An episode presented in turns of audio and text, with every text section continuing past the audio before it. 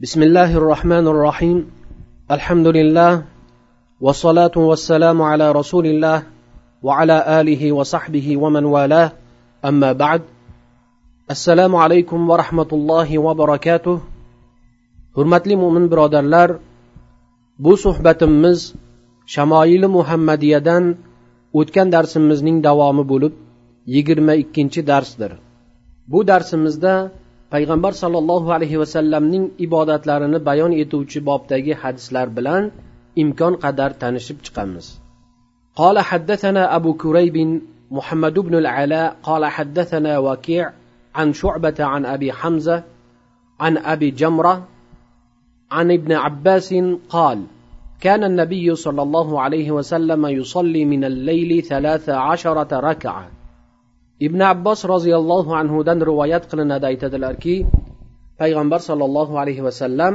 kechasi o'n uch rakat ya'ni tahajjud namozi o'qir edilar قال حدثنا قتيبة بن سعيد قال حدثنا أبو عوانة عن قتادة عن زرارة بن أوفى عن سعد بن هشام عن عائشة أن النبي صلى الله عليه وسلم كان إذا لم يصلي بالليل منعه من ذلك النوم أو غلبته عيناه صلى من النهار ثنتي عشرة ركعة oysha onamiz roziyallohu anhodan rivoyat qilinadi aytadilarki agar payg'ambar sollallohu alayhi vasallam uxlab qolib tahajjud namozi o'qimagan bo'lsalar kunduzida o'n ikki rakat nafl o'qib qo'yar edilar mulla ali qoriy aytadilarki bu hadisdan nafs bu namozni butunlay tark qilishga o'rganib qolmasligi uchun nafl namozni qazo qilib o'qish joizligi balki sunnatligi kelib chiqadi desak ham yanglishgan bo'lmaymiz deydilar. So'zlarining davomida aytadilarki imom abu hanifa bu hadisdan kechasidagi nafl namoz o'n ikki rakat bo'lishini istinbot qilgan ekanlar. قال حدثنا محمد بن العلاء قال أنبأنا أبو أسامة عن هشام يعني ابن حسان عن محمد بن سيرين عن أبي هريرة عن النبي صلى الله عليه وسلم قال إذا قام أحدكم من الليل فليفتتح صلاته بركعتين خفيفتين.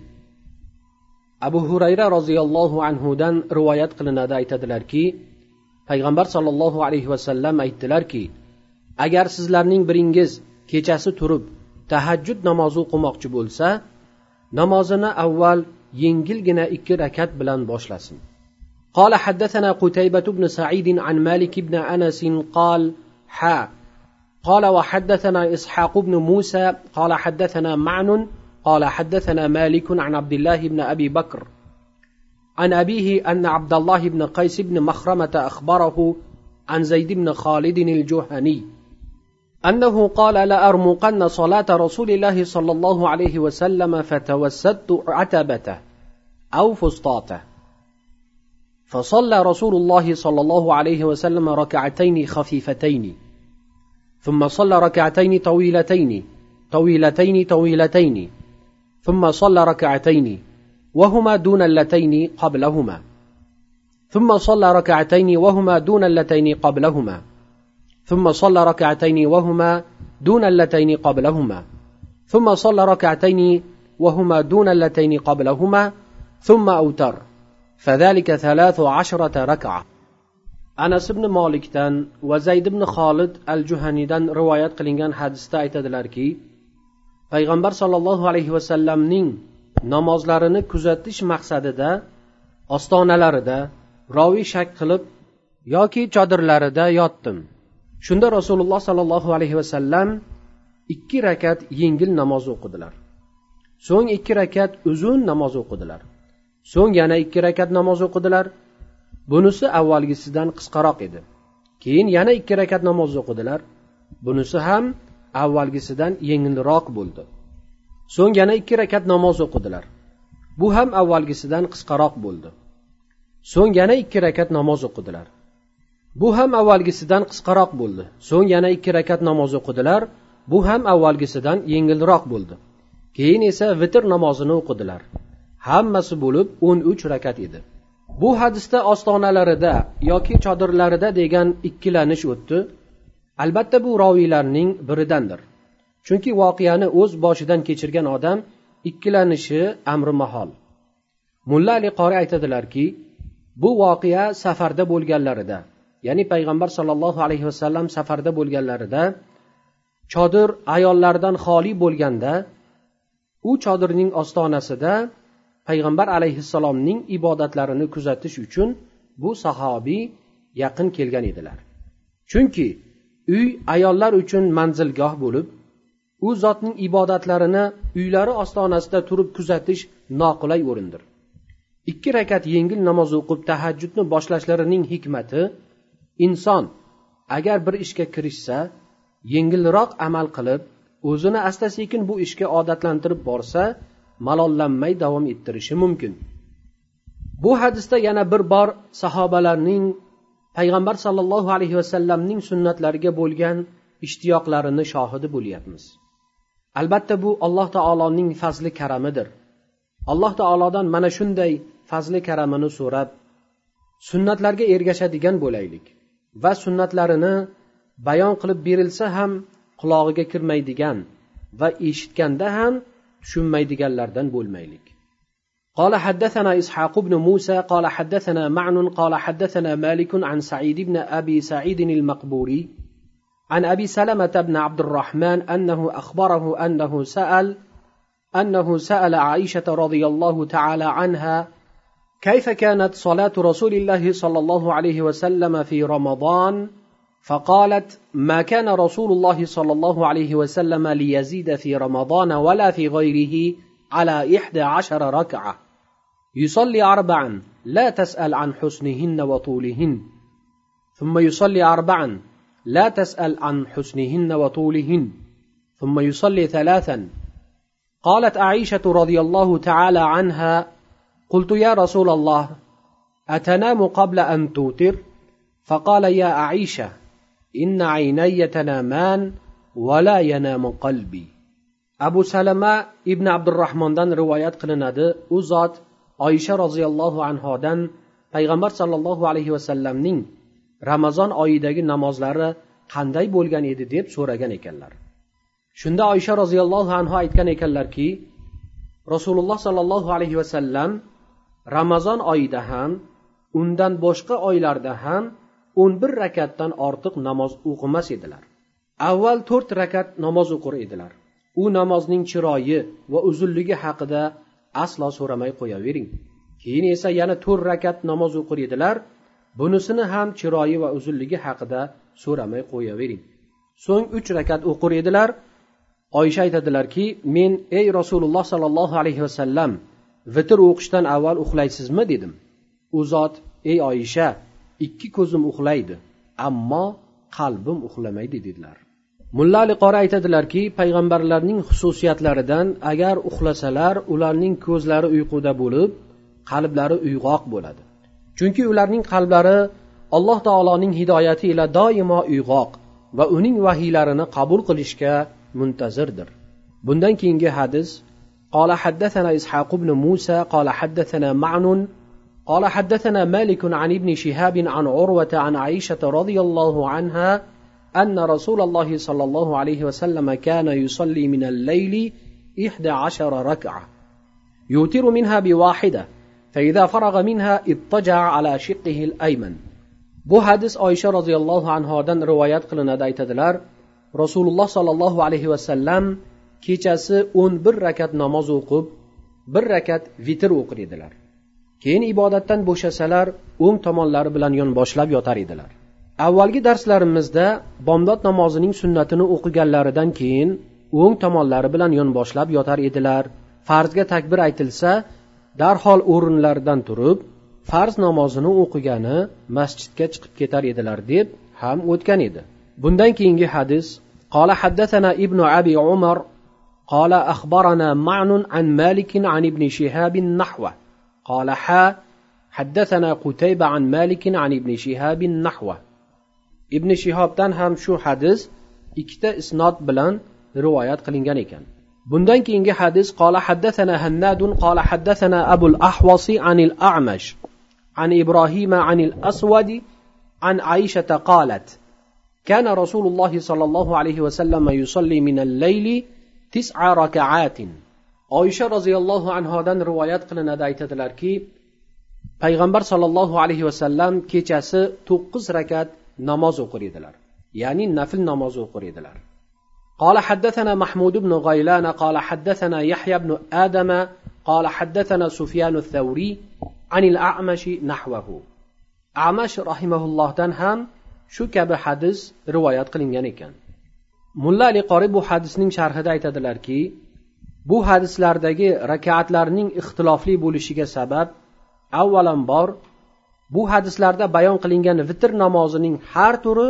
joizligi ayon bo'lsa so'ng rasululloh sollallohu alayhi vasallam betoblik chog'larida ozroq o'qiganliklarini yoki namozning sifatida farqlar bo'lganligi masalan bir kechada rakatlari oz bo'lib uzun qiroat qilganliklarini va yana bir kechada esa buning aksini qilganliklarini ham tushunish mumkin.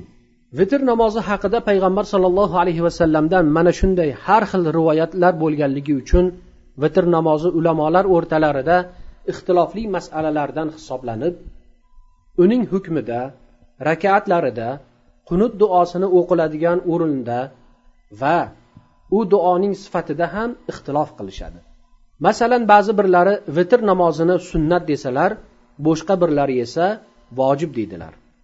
Rakatlarga kelsak ham uning eng ozi bir rakat bo'ladi deydigan ulamolar ham bor. Hanafiy ulamolar ham bu masalada bosh qotirib vitrning hukmi vojib va u uch rakatdan iborat namoz bo'lib unda ikki rakatdan so'ng salom berish joiz emas. Balki uch rakatni to'la o'qib bo'lgach salom beriladi. Qunut duosi esa rukudan avval o'qiladi deydilar. Fiq kitoblarida vitr namozini uxlashdan avval o'qish lozim. Ammo kimda kim vitrni bomdoddan avval ya'ni vitr uchun belgilangan vaqtning eng oxirgi vaqtida o'qishni xohlasa o'sha vaqtda uyg'onib uni o'qishni uddasidan chiqa olsa bu juda a'lo ishdir. Lekin o'ziga ishonmagan odam mana shu vaqtda uyg'ona olmaydigan shaxs bunday qilishi joiz emas. Shuni ham aytib o'tish kerakki tahajjud namozini o'qiydigan kishi vitrni kechiktirib oxirgi vaqtida o'qishi kerak. Salaf solihlar odatda tahajjud namozini o'qib bo'lgach vitrdan so'ng duo tazarruga ozgina vaqt qoldirib qo'yar ekanlar. Chunki duolar ijobat bo'ladigan vaqt sahar vaqtidir. Bunga misol yaqub alayhissalomning o'g'illari o'z qilmishlariga pushaymon bo'lib otalaridan alloh taologa duo qilib tavbalarini qabul qilishini ular uchun alloh taolodan so'rab berishlarini iltimos qilganlarida otalari yaqub alayhissalom sizlarga rabbimdan hali kechirim so'rab beraman dedilar. Ibn kasir rahimaulloh tafsir kitoblarida bu duoni sahar vaqtiga kechiktirgan edilar deb tafsir qilgan ekanlar. Go'yo yaqub alayhissalom sahar vaqtida sizlarga rabbimdan kechirim so'rab beraman degan edilar. Mana bunday tahajjud vitr va saharda qilingan duolarning manfaatlarini shu ibodatni o'zida mujassam qilgan va bardavom qilib kelayotgan mo'minlargina biladilar. Albatta unday mo'minlar ichimizda oz emaslar. Lekin bu ibodat haqida hech bosh qotirmagan bu ibodatdan xabar bo'lmaganlar ham yo'q emaslar. Alloh taolo barchalarimizga tavfiq ato etsin. Hozirgi o'qib o'tilgan rivoyatlarda ham va boshqa rivoyatlarda ham kelishicha payg'ambar sollallohu alayhi vasallam kechalari turib uzun ibodatlar qilar edilar. Ba'zi rivoyatlarda esa ko'p ibodatlar qilganlaridan keyin ahli ayollarini ham ibodat uchun uyg'otar edilar. Yana boshqa rivoyatlarda kelishicha umar roziyallohu anhu ham kechalari uzun ibodatlar qilib bomdodga yaqin qolganda ahli ayollarini namozga uyg'otar ekanlar. Endi bu nafl namozlar uchun uyg'onib duoyi tazarrular qilish u yoqda tursin bomdod namoziga qo'ng'iroqli soatlar vositasi ila ham uyg'ona olmayotgan. Yoki zo'rg'a uyg'onib so'ng qolmishiga xotinlarini ayblaydigan erkaklar peshvolarining ahvollarini ko'rib qo'ysinlar va ulardan o'rnak olsinlar.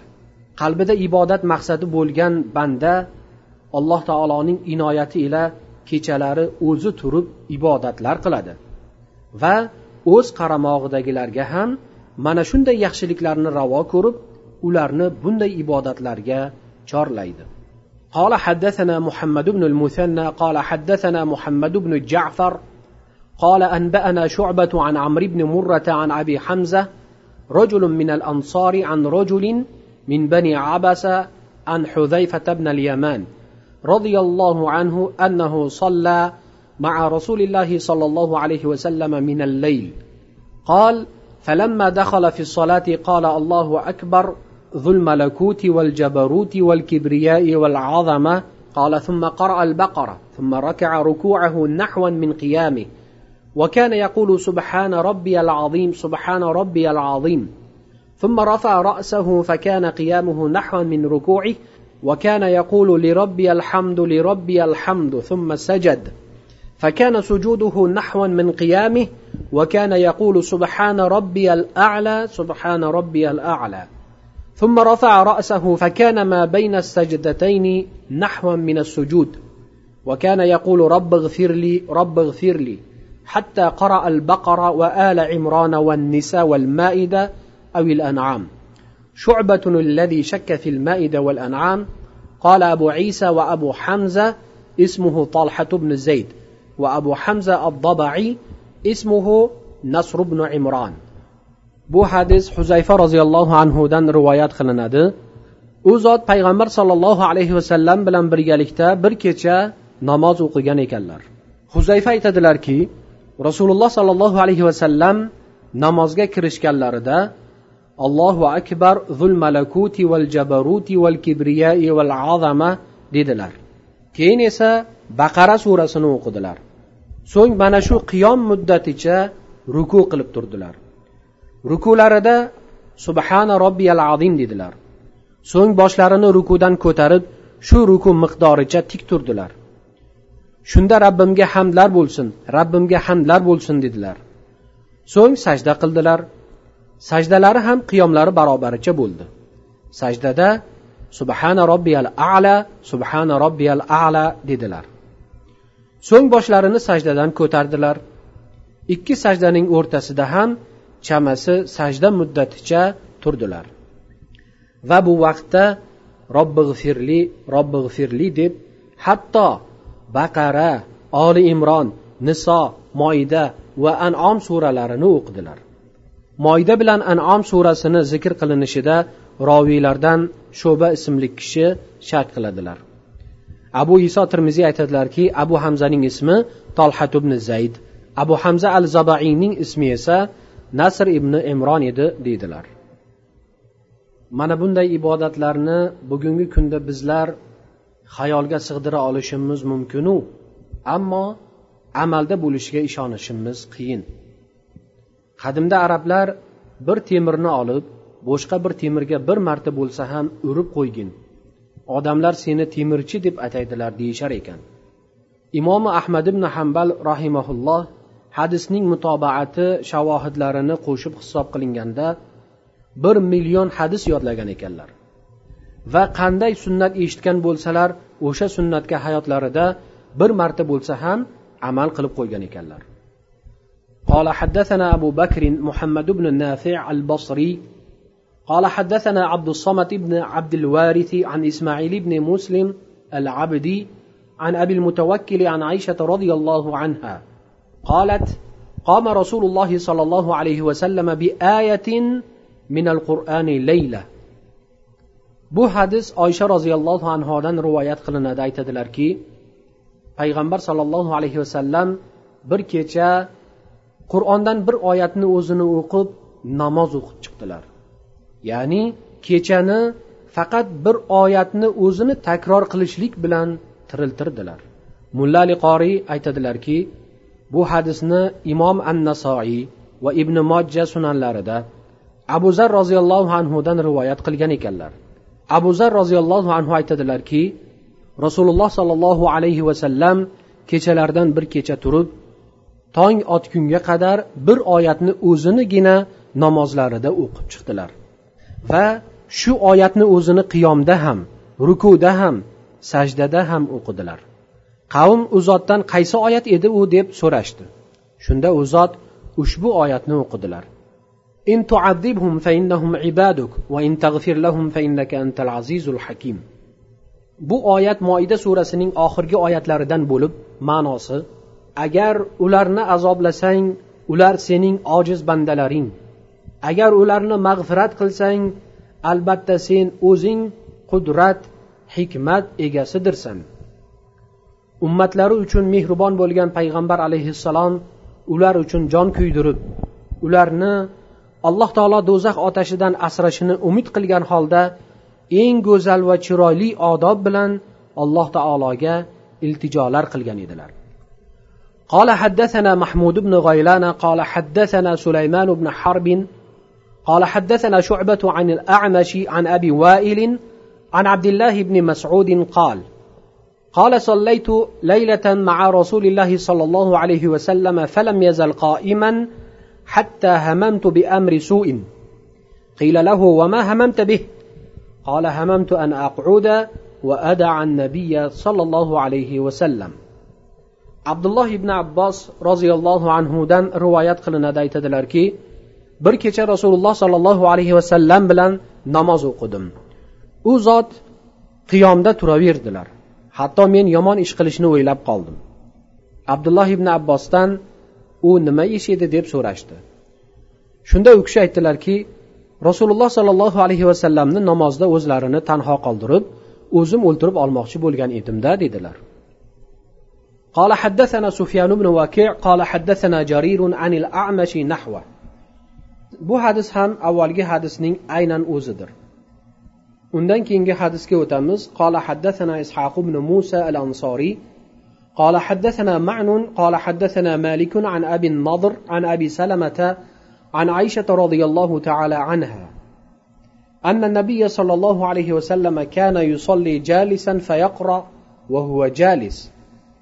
فإذا بقي من قراءته قدر ما يكون ثلاثين أو أربعين آية قام فقرأ وهو قائم ثم ركع وسجد ثم صنع في الركعة الثانية مثل ذلك oysha roziyallohu anhodan rivoyat qilinadi aytadilarki payg'ambar sollallohu alayhi vasallam o'tirib namoz o'qir edilar va shu o'ltirgan holatda qiroat qilar edilar agar qiroatlaridan o'ttiz yoki qirq oyat qolgan bo'lsa o'rinlaridan turib olib o'sha oyatlarni o'qib so'ng ruku sajda qilar edilar mana shu tariqani ikkinchi rakatda ham takror etardilar قال حدثنا أحمد بن مانع قال حدثنا هشيم قال أنبأنا خالد الحذاء عن عبد الله بن شقيق قال سألت عائشة رضي الله عنها عن صلاة رسول الله صلى الله عليه وسلم عن تطوعه فقالت كان يصلي ليلا طويلا قائما وليلا طويلا قاعدا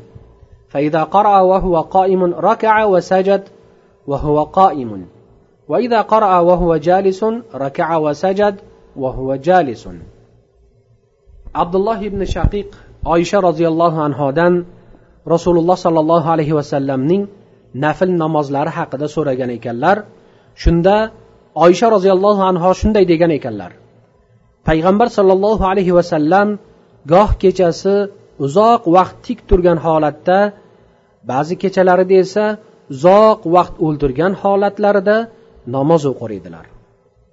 Agar tik turgan holatda qiroat qilgan bo'lsalar tik turgan hollarida ruku va sajdaga borar edilar. Agar o'tirib qiroat qilgan bo'lsalar shu holatda ruku va sajda qilar edilar. Nafl namozlarda namoz o'qiguvchi o'z ixtiyoridadir. Xohlasa o'tirib o'qiydi. Xohlasa tik turib o'qiydi. Lekin o'tirib o'qishning tik turib o'qishdan ajri ozroq bo'ladi. Mulla ali qori aytadilarki nafl namozi ixtiyoriy namoz. Lekin ulamolar kechasida o'qiladigan nafl tahajjud namozi payg'ambar sollallohu alayhi vasallamga ham ixtiyoriymi yoki u zotga vojib bo'lganmidi deb bu masalada bahs yuritganlar. Va o'rtalarida ilmiy munozaralar bo'lib o'tib ikki xil fikrga kelganlar. Bir toifa ulamolar bu bahsdan kelib chiqib bu namozni payg'ambar alayhissalomga ham nafldir dedilar. Ikkinchi toifa esa bu namoz u zotga vojibdir dedilar. Ikki toifaning hujjatlari ham birgina oyat bo'lib u ushbu oyatdir.